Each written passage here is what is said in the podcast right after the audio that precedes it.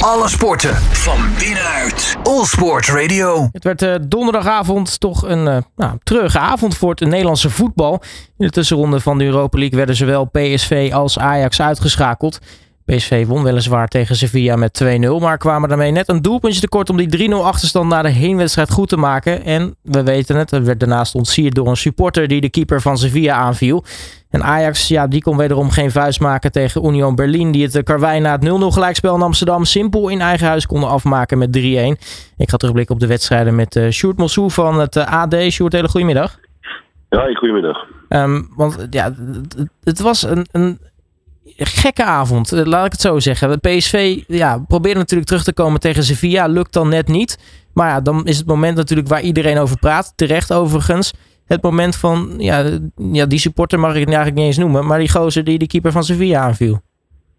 Ja, is een totale idioot natuurlijk. Hè? En uh, uitgerekend pakt hij ook de, de grootste. Een grote kale Servië rent hij dan op af. Dus dat maakt het nog kanslozer. Ja, het was, een, het was een, een treurige avond voor PSV. En dit moment blijft nog wel even hangen. Dus maar afwachten wat voor sancties daarvoor staan vanuit UEFA. Maar die kunnen best eens heel, heel pittig en heel streng zijn. En dat maakt de uitschakeling nog wat triester. Want die, na die 3-0 in Sevilla was het eigenlijk natuurlijk wel gespeeld. Niemand had nog grote verwachtingen dat PSV het zou gaan halen. dus dat je wordt uitgeschakeld kan geen verrassing zijn. Maar dat zoiets gebeurt, ja, dat, dat, dat zet heel PSV in een kwaad daglicht. Nou, ik had toch wel enigszins misschien nog de. Op het moment dat die 1-0 viel, had je toch misschien nog ergens dat sprankje hoop van. Nou, misschien dat ze nog ook nog 3-0 kunnen maken. Maar eigenlijk, het momentum was eigenlijk gewoon weg nadat die gast op het veld kwam. Ja, en het, het, het, het was natuurlijk net te laat. Hè? Als je die 1-0 net wat eerder in de wedstrijd maakt. En je kunt, kunt vervolgens nog een, nog een slotoffensief spelen. Dan heb je nog wel een, soort van kans. Sevilla is ook niet de ploeg van, dat het de laatste jaren was zijn een stuk zwakker. Ook in de Spaanse competitie is dat wel gebleken. Dus je had echt wel kans gehad.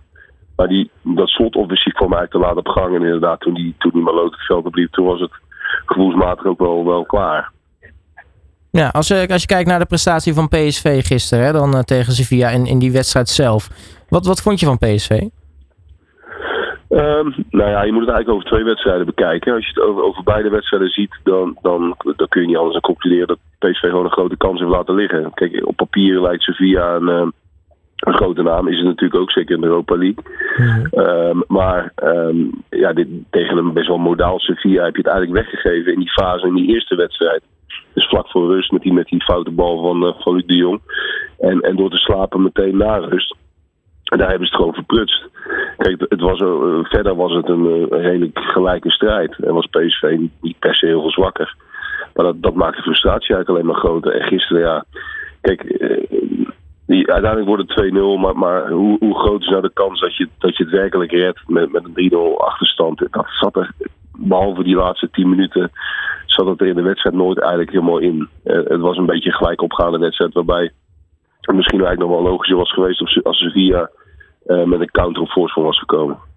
Ja, en laten we eerlijk zijn, Sevilla hoeft ook helemaal niet natuurlijk in Eindhoven. Dus uh, die, nee, die hadden ook totaal weinig druk om te zeggen van goh, laten we een, een, een doelpunt maken. Nee, exact. En zo speelden ze ook. En, en ja, die maakten het uit zichzelf nog onnodig moeilijk in die slotfase. Um, maar, maar PSV had, had, uh, had niet heel veel recht van spreken, uiteindelijk. Nou, ja, je hebt het dan nog over uh, sancties eventueel vanuit de UEFA. Waar, waar zouden we dan aan moeten denken bijvoorbeeld? Want uh, wat, wat zou er op zoiets kunnen staan? Ja, nou goed, dat ligt er een beetje aan. Kunnen wedstrijden zonder publiek zijn? Kan, kan een zwa zware boete zijn. Ik denk niet dat PSV wordt, wordt uitgesloten van het toernooi. Dat lijkt me dan weer een brug te ver. Ook omdat het een individuele supporter betrof. Maar PSV is ook wel verantwoordelijk. Want zij zijn verantwoordelijk voor de veiligheid in het stadion. En als het dan gebeurt dat een, uh, dat supporter uh, het veld kan komen zonder dat er eigenlijk wordt ingegrepen, althans veel te laat, ja, dan is dat PSV aan te rekenen. Zo kijkt de UEFA daarna. Dus ja, je moet hopen dat het vervolgsseizoen meevalt. Maar het is niet helemaal uitsluit dat je bijvoorbeeld een uh, wedstrijd zonder publiek kunt gaan spelen. Zeker niet. Nou, ook natuurlijk omdat het uh, ook nog eens een jongen betrof die al een, een, een, een, ja, een stadionverbod had, uh, volgens het, het Eindhovens Dagblad. Ja, precies. Dat betekent dus dat je je eigen stadionverboden eigenlijk niet kunt handhaven. En dat maakt het ja, voor de organisatie van PSV wel heel pijnlijk. Want dan heb je het gewoon niet, niet op orde. En dan, dan blijft het nog steeds een, eh, een totale gek. Waar, waar je eigenlijk uh, door geschoffeerd wordt. Vooral hij is de grote aanstichter. Maar heel feitelijk gezien is het de verantwoordelijkheid van PSV. Nou, PSV pakt dan in ieder geval wel door die ene overwinning dan nog wel wat coëfficiëntenpunten. Um, in Berlijn werden er dan geen punten gehaald door een Nederlandse ploeg. Ajax speelde daar tegen Union. En ja, ik, ik weet niet hoe het met jou zat, maar ik had eigenlijk geen moment het idee dat, dat, dat, dat Ajax het, het Union lastig zou kunnen maken. Nou, de openingsfase vond ik dat wel. Uh, eerste 20 minuten, een beetje tot die handsbal. Had je het idee van, ja, Ajax begon ook heel aanvallend. Kwam eigenlijk nog wel redelijk goed in de wedstrijd. En dacht je van, nou, als ze een beetje zo door kunnen spelen, dan, uh, dan zouden ze moeten kunnen winnen. Maar eigenlijk vanaf die handsbal was het was een beetje klaar. En toen, toen zag je ook hoe sterk Union is verdedigend gezien geven bijna niks weg. En als ze dan op de voorsprong komen, al helemaal niet meer. Um, dus dat, dat veranderde natuurlijk heel de wedstrijd. Het was natuurlijk een heel lullige handsbal van Bessie. En kon er eigenlijk niks aan doen. Maar volgens de regels is het dan blijkbaar een penalty. Wat, wat voor Ajax natuurlijk heel frustrerend was. Maar het, over, ook, ook hier geldt weer over twee wedstrijden. Had Ajax totaal geen recht van spreken. Nou, in eigen huis was het natuurlijk 0-0 uh, geworden. Um, en nu dan uh, ja, ga je het weliswaar 3-1 af tegen, tegen Union. Maar uh, ja, wat, dit is eigenlijk wel weer misschien een soort ja, typisch Ajax dit seizoen. Mag ik het zo zeggen? Ja, het past in het seizoen. In een seizoen vol teleurstelling. Het was van tevoren was er uh, opeens weer toch weer enorm vertrouwen dat ze het wel even gingen doen. Ze hoefden ook niet op penalty, penalties te trainen voor Johnny Heitinga. Want ze gingen het in de, in de reguliere speeltijd wel redden. Het was een totaal op niets gebaseerd uh, soort zelfvertrouwen uh, over een tegenstander die in de Bundesliga geweldig presteert, bijna nooit een goal tegen krijgt. En, en ja, dat is wel gebleken. En, en, en het is pijnlijk, want Ajax wil de club zijn die aanhaakt bij de top van de Champions League. En, en wordt uitgeschakeld door echt, echt Europese, eh, als je het even uitzoomt, Europese middenmoot. Eigenlijk met, de, met dezelfde selectie uh, van Union Berlin won Feyenoord vorig jaar twee keer moeiteloos van ze. Ja, dan kun je niet anders concluderen dat dat voor een ploeg, voor een club met de begroting van Ajax gewoon een afgang is. Ja, nu uh, is het dan wat dat betreft einde, einde verhaal. Uh, zijn er desondanks misschien misschien lichtpuntjes die, die Ajax uit dan zo'n wedstrijd kan halen? Of was het uh, nou ja, beter opnieuw beginnen komend, komend weekend? Nou ja, ik zie weinig lichtpuntjes, nee. Kijk, ze hebben de laatste week hebben ze iets beter gedaan sinds het ontslag van Schreuder. Maar dat was over het algemeen tegen wat mindere tegenstanders. Um, ja, Ajax moet vooral hopen dat, dat Feyenoord meer stappen gaat maken. In die positie zitten ze op dit moment. En, ze, hebben, ze hebben zondag Vitesse uit. Dat is ook best wel, best wel lastig.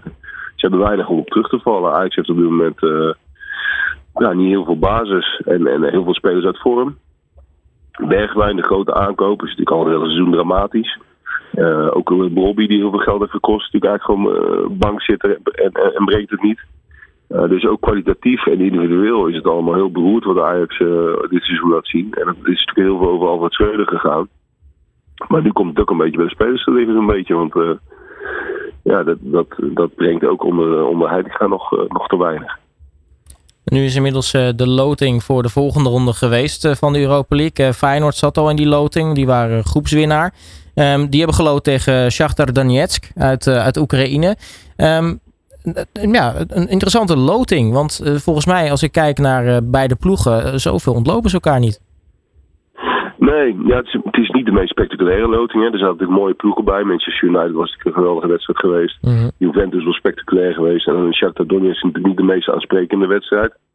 Tegelijkertijd zijn ze bij, de, bij Feyenoord denk ik best wel opgelucht. Want uh, Donetsk speelt in Polen. Hè. Dit is een thuiswedstrijden. Uh, in de competitie in Lviv en in uh, de Europa League of in Europees verband spelen ze in Warschau. Feyenoord mag geen supporters meenemen. En dat, dat is in, in, in, nou ja, in Warschau een stuk makkelijker dan uh, bijvoorbeeld als tegen Leverkusen hadden gemoeten. Dan is dat in ieder geval wat makkelijker te organiseren. Dus in dat opzicht is het voor Feyenoord een, uh, een goede loting. Sportief opzicht denk ik ook wel. Dit was toch wel een van de wat mindere ploegen in, uh, in deze competitie. Ze hebben een rem gewonnen in de vorige ronde, hartstikke knap. Maar het is natuurlijk geen Europese top. Dus je hebt gewoon een goede kans om door te gaan. Het is niet de meest spectaculaire wedstrijd, wedstrijd waar supporters misschien op hadden gehoopt in de Kuip. Um, het, het, voelt een beetje als een, als een tussendoortje waarin je alleen maar wat te verliezen hebt. Maar sportief heb je gewoon een goede kans. Uh, Donetsk heeft mede door de, door de crisis en de oorlog in Oekraïne... hebben ze aardig wat spelers ook moeten verkopen. Moedrik is weggegaan naar Chelsea voor meer dan 100 miljoen. En de bekendste speler is nog uh, Traoré, die, de oude spits van, uh, van Ajax. Mm -hmm. Maar verder is het... Uh, is het gewoon een ja, Europees gezien redelijk modaal elftal. het is een club die, die al sinds 2014 rondtrekt door Europa. Ze hebben eigenlijk geen vaste uh, speelstad meer. Althans, niet, niet in Donetsk. Want dat stadion wordt gebruikt als wapenopslag voor de, voor de legers.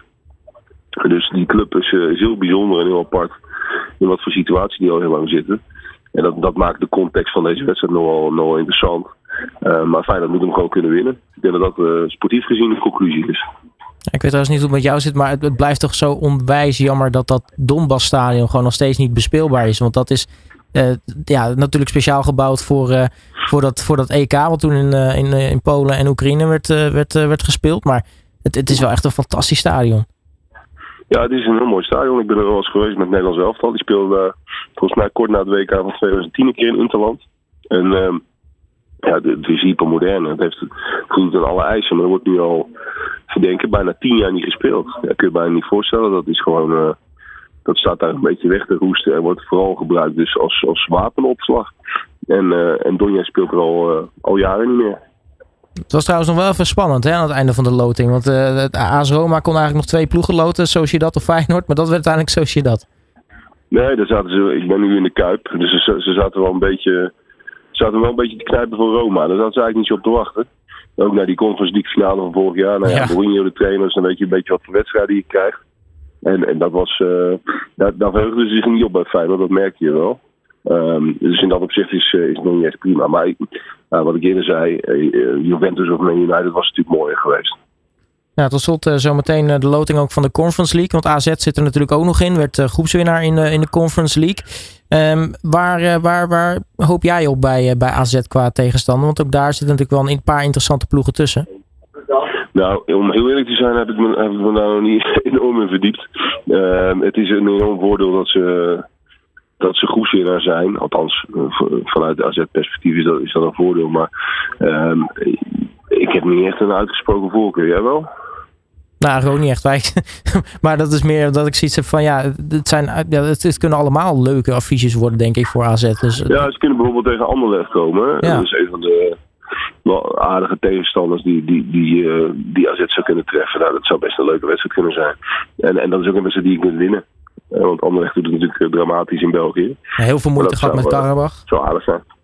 Of niet met Karabach, nee. maar in ieder geval heel veel moeite gehad ook in, in, in die ronde. Dus, dus ja, natuurlijk uit uit, uh, volledig uit vorm, uh, Anderlecht?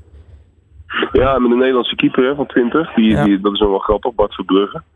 En dat is echt een, uh, een enorm talent. En die, die, is pas 20 en die zat er bij Anderlecht al in. En die pakte drie penalties afgelopen, of gisteravond eigenlijk, in de beslissende serie. Tegen Ludo Gorex. Ja. En uh, ja, dat is nog wel een geinig detail. Maar we, ja, het is lastig te zeggen, die loting. Ja, is misschien dus, leg, leg is misschien Leg Poznan de, leukste ploeg, met natuurlijk John van der Brom als trainer daar? Ja, dat kan ook grappig zijn. Ja, zoiets. Maar uh, AZ moet heel vaak naar het Oostblok, hè. Dus om dan weer naar Polen te moeten, laat ze maar een keer gewoon lekker dichtbij tegen, tegen Anderlecht spelen. Dat zou mooi zijn. Precies. Um, mag je in ieder geval heel erg hartelijk danken voor je tijd, uh, Sjoerd Mossou van het AD. En uh, nou ja, succes nog even met de loting dan van, uh, van AZ, ook als je die gaat volgen. En uh, spreken we elkaar yes. snel weer. Graag gedaan. Groeten. Alle sporten van binnenuit. All Sport Radio.